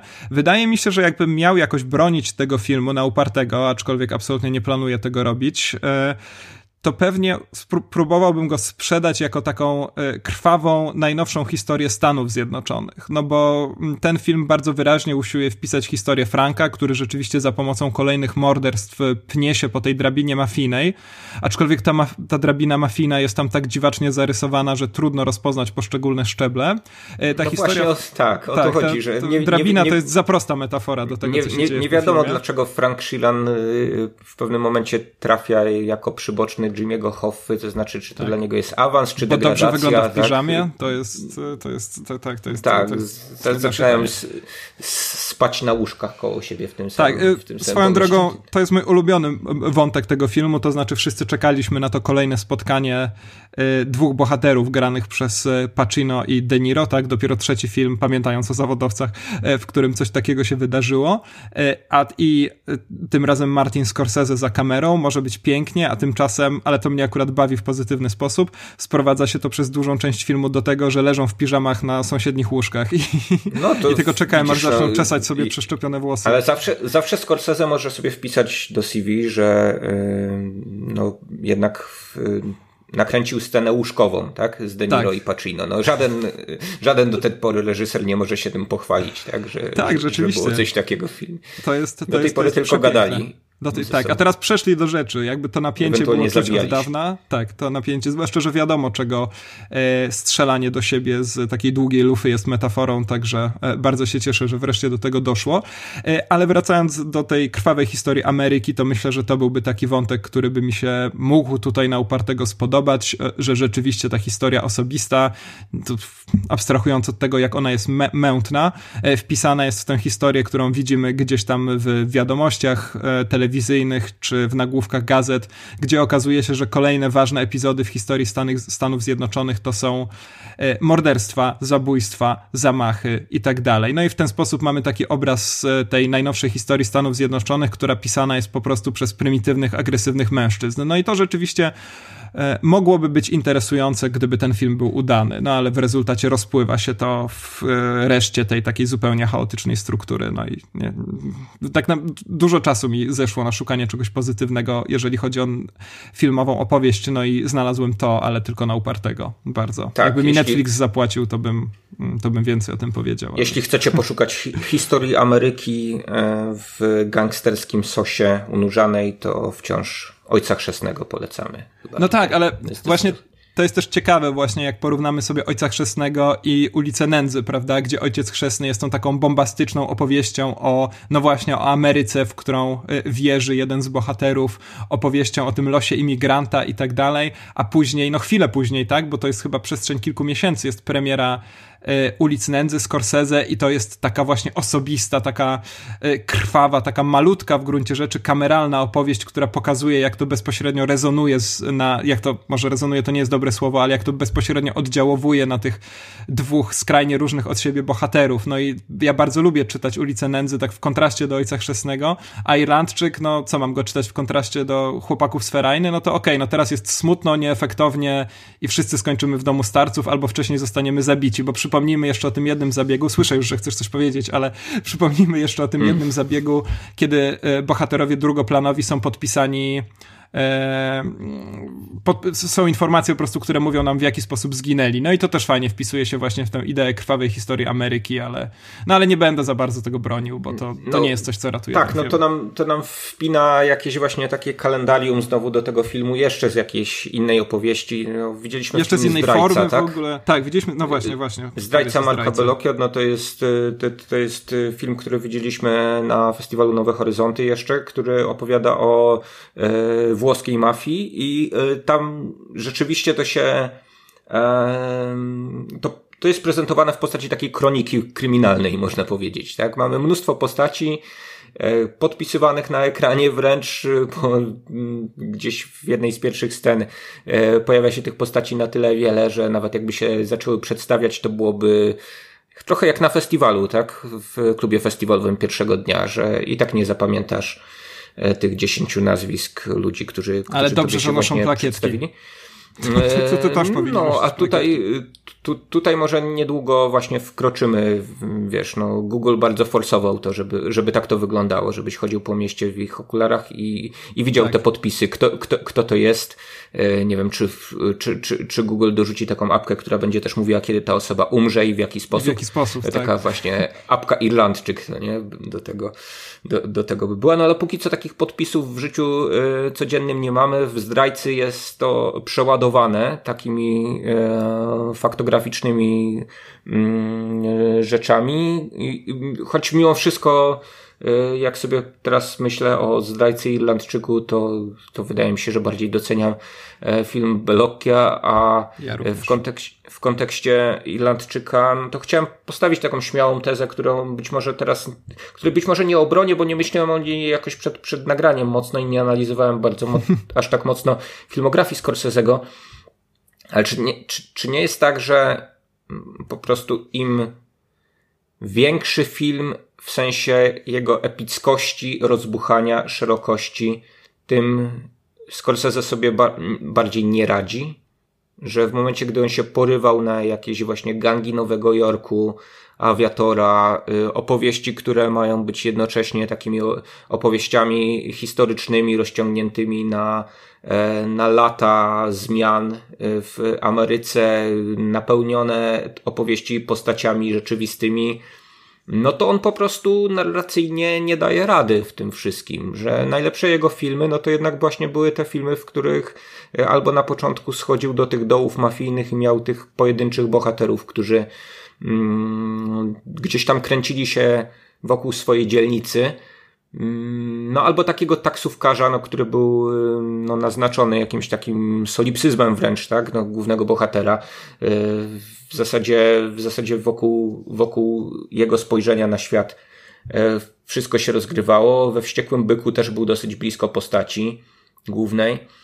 No a ostatnio, no jakby porywa się na takie wielkie opowieści, e, no, które którym może nie, nie umie opowiadać do końca. Może się właśnie chce powiedzieć zbyt wiele w tych filmach. W Milczeniu to dla mnie też było, też był taki film zbyt rozbuchany, zbyt rozrośnięty, e, też e, w jakiś sposób taki zgniły owoc myślenia przez lata o, e, o tym swoim opus magnum, że chcemy ten film zrealizować i w konsekwencji no, film przeładowany także w, Mm, monologami z offu, no bo trzeba było upchnąć w zasadzie wszystko, o czym sobie Martin Scorsese pomyślał. Mm, nie wiem, czy, czy masz jakieś podobne odczucia w, kon w kontekście całej filmografii mhm. Scorsese'ego, no bardzo, bardzo bogatej jednak, prawda, ale jednak dobrze znanej też przez nas.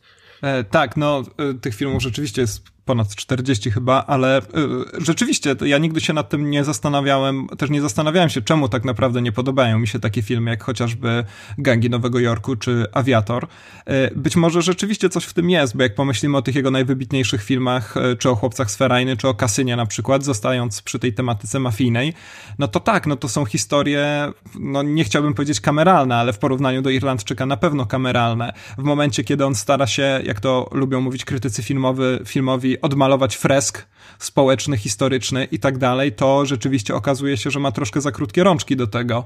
E, I wydaje mi się, że rzeczywiście Irlandczyk mógłby cierpieć właśnie dokładnie z podobnych e, powodów. No, ja też e, oczywiście nie myślałem nad tą tezą przed nagraniem, więc jeżeli nasi słuchacze mają jakieś przemyślenia, to niech się z nami natychmiast tym dzielą, ale jest to, coś w tym jest. Tak, tak, no, tak, tak ci powiem. się pokłócić o Scorsese'ego już w komentarzach na przykład do naszego nagrania. Ewentualnie zrobimy sobie kiedyś jakąś taką dogrywkę tylko o Scorsese'em na przykład, prawda? Bo e, większość, jeśli nie wszystkie jego filmy e, widzieliśmy. No ja nie widziałem paru dokumentów muzycznych tylko w zasadzie z mhm. filmografii mhm. Martina Scorsese, więc chętnie sobie o nim, y, o nim jakoś tam szerzej porozmawiam, robiąc też pewne powtórki oczywiście z jego kina, no ale na razie y, rzucam clickbaitową tezę Scorsese nigdy nie będzie Coppolą.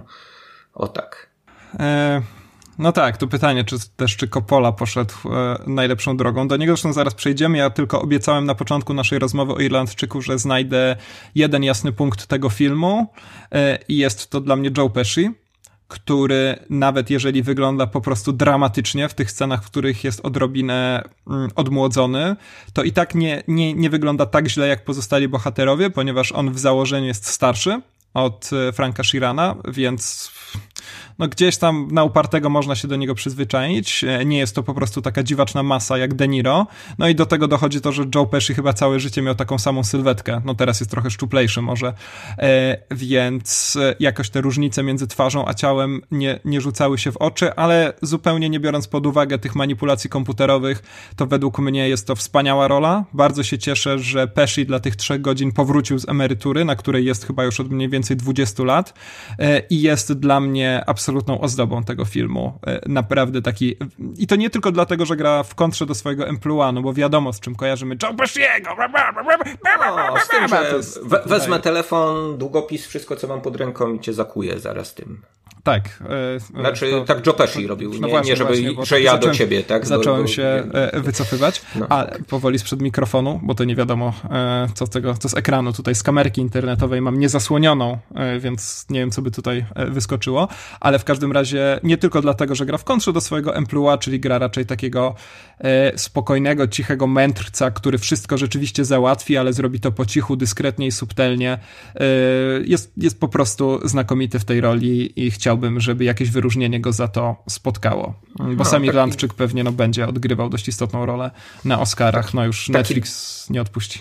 Taka postać do, y, dobrego wujka, przynajmniej ktoś, kogoś, kto chciałby być dobrym wujkiem, a, a jest tak. jednak tym creepy wujkiem właśnie czasami. I, i, tylko brakuje mi tutaj tej energii również jednak, mimo wszystko. No, to jest jednak takie dosyć, dosyć smutne, że... Mm, no ale to też bardzo, bardzo, bardzo widoczne, no to jakby wina Scorsese'ego, że bierze tych samych aktorów do podobnego tematu i jeżeli, mm, jeżeli to byłaby jakaś taka właśnie mm, opowieść o starości zderzonej z młodością. Teraz sobie pomyślałem, że może tak można byłoby ten, ten film w jakiś sposób ym, zrobić lepiej, żeby to było coś w rodzaju Creed'a na przykład y, Sylwest Sylwestrem Stallonem Mm, Creed'a Ryana po prostu Kuglera, Creed. której... Lepiej obejrzeć dwa razy Creed'a niż raz Irlandczyka. No, nie, no to okej, okay, ale chodzi mi o, o, o, to, że, że dostajemy mm, tam bohatera, który jest jednak przedstawicielem właśnie e, tego młodego pokolenia, prawda? A jednocześnie no, w nostalgiczny sposób trochę a jest ogrywana starość bohatera pierwowzoru. I, yy, i to wszystko się spina, prawda? No jakiś taki dialog międzypokoleniowy, to wszystko, to wszystko gra y, na zasadzie takiej, że no nie każemy y, staremu Stalonowi y, się pojedynkować z kimś równie starym albo, albo, albo, albo, albo młodym, albo nie, nie odmładzamy go cyfrowo, tak? W którym odmłodzony cyfrowo Stallone bił się z odmłodzonym cyfrowo De Niro. A w każdym, znaczy oni się chyba nie bili odmłodzeni cyfrowo, ale no jest nie, ostatni był... Ra Rambo, w którym Stallone... Nie, no jak się nazywa ten film z De Niro i Stallonem? Ten taki, który De Niro gra, no właśnie, wściekłego byka, a Stallone, oczywiście nie dokładnie, tylko nawiązuje do tej postaci, a Stallone y, gra postać nawiązującą do Rockiego. I tam y, oni też są odmłodzeni komputerowo w takiej scenie y, pierwszego pojedynku bodajże. Grudge no dobrze, match, ale ja... tak to się nazywa po okay, ale ja tu szukam, mhm. szukam dobrych wzorców, a nie złych wzorców, tak? No złych wzorców dla Irlandczyka nie potrzebujemy. No dobrze, no ale w każdym razie no film jest zamkniętą całością, Scorsese zrobił to jak zrobił. No my z tym już nic nie zrobimy, tak możemy sobie ponarzekać tylko trochę. Ja jeszcze do tych na, narzekań dorzuciłbym tylko to, co tutaj się dzieje z kobiecymi bohaterkami, a w zasadzie jak bardzo ich nie ma, prawda? Nawet w kontekście tego, że y, okej, okay, one były gdzieś na drugim planie w tych opowieściach gangsterskich wczesny, wcześniejszych Scorsese'ego, ale jednocześnie mm, czy to Lorraine Bracco w roli y, żony mm, Henry'ego Hilla w Chłopcach Sferajny, czy czy Sharon Stone y, bardzo, mhm. tak, jako fan fatal taka właśnie w, w kasynie, no to były jednak postacie. Znakomite, tak, to jeżeli Dokładnie. ktoś w ogóle powie, że Scorsese nigdy nie pisał dobrych postaci żeńskich i tak dalej, y, no to nie ma racji. Scorsese wspaniale przedstawiał te postaci żeńskie, nawet jeżeli historie ich nie dotyczyły, to okazywały się, jak wielką rolę tam odgrywają, więc to... No a w Irlandczyku bohater ma żonę i cztery córki i okazuje się, że tak naprawdę yy, nie rozmawia z żadną z tych córek, to znaczy mamy jedną jakąś scenę dialogową pomiędzy nimi chyba i yy, a Anna Paken skądinąd yy, znana aktorka dostaje chyba jedną linijkę dialogową taką. E, tak. Zaczynającą się od why, why. Tak, no swoją drogą żałuję, że Anna Paquin nie została odmłodzona do mm, wieku 11-latki skoro już tak szczerze wierzył w umiejętności technologiczne e, swoich komputerowców Martin Scorsese. Ja nie mam z tym tak dużego problemu, to znaczy nie wydaje mi się, żeby linijki dialogu rzeczywiście świadczyły o wadze postaci, bo jakiś tam, chociaż od razu powiem, że to się nie udało w tym filmie, ale powiem jak to sobie wyobrażam, że mogłoby być piękniej, być może mm, Scorsese też tak uważał. No ja wiem, że bohaterka miała być niemym sumieniem bohater, no, tak, tak, tak, Niro, tak, tak? To znaczy Dokładnie. ta jego córka miała być Tak, tylko że no nie jest to w żaden sposób przekonująco poprowadzone. E, ona rzeczywiście, to nie jest nawet problem z tym, że ona się nie odzywa, bo jak najbardziej pasuje mi taka wizja niemego sumienia, jeżeli to jest dobrze poprowadzone, to to potrafi być dużo przejmujące niż osoba, która ci w ostatniej scenie powie film, filmu powie jestem twoim sumieniem i e, jesteś, byłeś okropnym człowiekiem, pozdro. E, tylko rzeczywiście... Pamiętam, że e, Dustin Hoffman taką rolę pełnił w tej opowieści o Janie Dark Bessona trochę. Tak no to widzisz, no to tutaj zdecydowanie taka milcząca rola mogłaby dużo zrobić. Problem polega na tym, że ona cały czas gdzieś tam no przede wszystkim jest w jakiś sposób wydestylowana z tych pozostałych córek, E, mamy przecież scenę dokładnie taką, jaką teraz w taki parodystyczny sposób opisałem, a przecież jest tam taka scena, tylko że jest to inna córka, po prostu, która bierze się znikąd i znika też nie wiadomo gdzie. Jest tam dokładnie, teraz o tym myślę, przecież jest tam dokładnie scena pod tytułem Jestem twoim sumieniem i jesteś okropnym człowiekiem, no tylko, że to jest inna, mm. in, inna postać wypowiada te słowa, a nie ta jego e, główna córka, powiedzmy Peggy, to znaczy no Frank Sheeran jest trochę jak Donald Trump, to znaczy udaje, że nie ma ulubionej córki, ale wszyscy wiemy, że ma. E, więc jest, jest to dość, e, dość taki e, nieprzyjemny zabieg z, z perspektywy widza, który stara się zrozumieć, co się dzieje na ekranie. Więc no jest to ogólnie rzecz biorąc bardzo banalne i nieprzekonujące. No sama wizja tego, to co się działo w głowie reżysera mnie jak najbardziej przekonuje, ale od wizji do realizacji jeszcze daleka droga, no i to no Irlandczyk no w ogóle bardzo pokazuje ten, ten, tak jak mówię, wydaje mi się, że wydaje mi się, że rozumiem, o co miało tu chodzić, e, o tę elegię, o to takie e, celowe odatrakcyjnienie życia mafijnego, o pokazanie tego przemijania, o pokazanie tej e, ostatecznej, trochę rozpaczliwej walki o odkupienie, ale nie zmienia to faktu, że w filmie niemal tego nie ma, po prostu. E, więc e, Irlandczyk jest dla mnie w rezultacie porażką. Warto jeszcze pewnie wspomnieć o Rodrigo Prieto. Wspominaliśmy sobie o jednym wybitnym meksykańskim operatorze, czyli Emanuelu Lubeskim.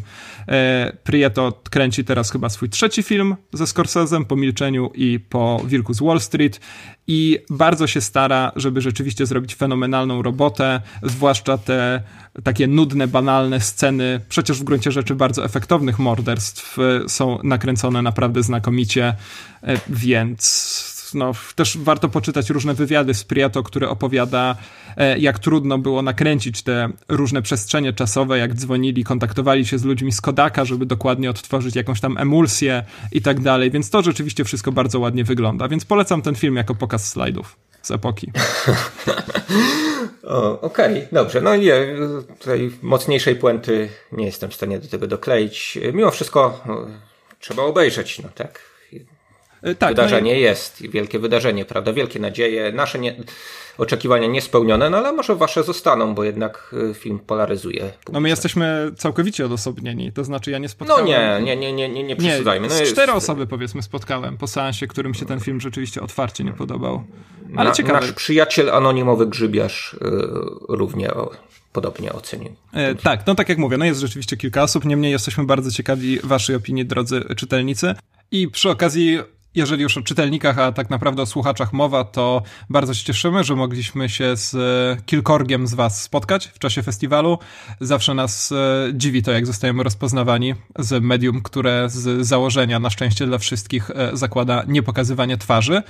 Niemniej było to bardzo miłe. No, zacząłeś tam jakieś fotki wstawiać. Ja, może specjalnie, może przed każdym festiwalem będzie. Tak teraz wyglądamy. Albo po, albo po głosie jesteśmy rozpoznawani. Tak, jak krzyczymy do siebie przez cały korytarz. Michał, co myślisz o Irlandczyku? No i się zaczyna, prawda? Dlatego zawsze trzeba mieć ze sobą włączony mikrofon. E, dziękujemy Wam bardzo za wysłuchanie tego odcinka. E, piszcie koniecznie w komentarzach, e, co myślicie o filmach, o których sobie tutaj wspomnieliśmy.